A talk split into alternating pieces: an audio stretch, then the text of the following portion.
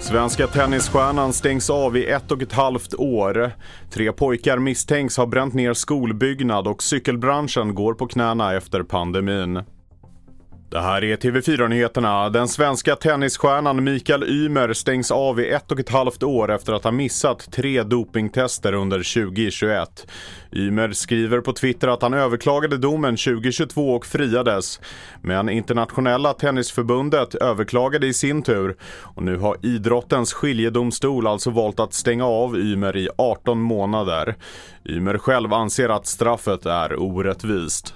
Mer om det här och röster från Tennis-Sverige kan du se på tv4.se. Tre pojkar i 15-årsåldern är misstänkta för att ha bränt ned en skolbyggnad i Hylte i Hallands län under natten. Två av pojkarna är anhållna för grov mordbrand medan den tredje släppts på grund av sin låga ålder. När räddningstjänsten kom fram var byggnaden redan övertänd och den gick inte att rädda.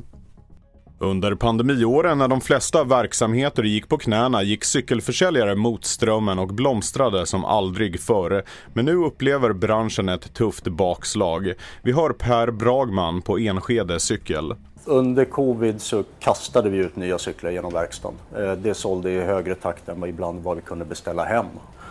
Medan idag så har vi fått alla cyklar vi har beställt för året men vi har knappt sett någon försäljning. Så att nu står vi med ett stort lager av cyklar som väntar på att gå iväg. Det råder överskott på honung i landet. Återförsäljare kan inte ta emot mer och biodlare kan tvingas att lägga ner. Det rapporterar P4 Jönköping. Anledningen är att det kan bero på stora skördar i fjol, fler personer i branschen samt en ökad import som har gjort att tillgången gått från brist till överskott. Jag heter Felix Bovendal och mer nyheter hittar du på tv4.se och i appen.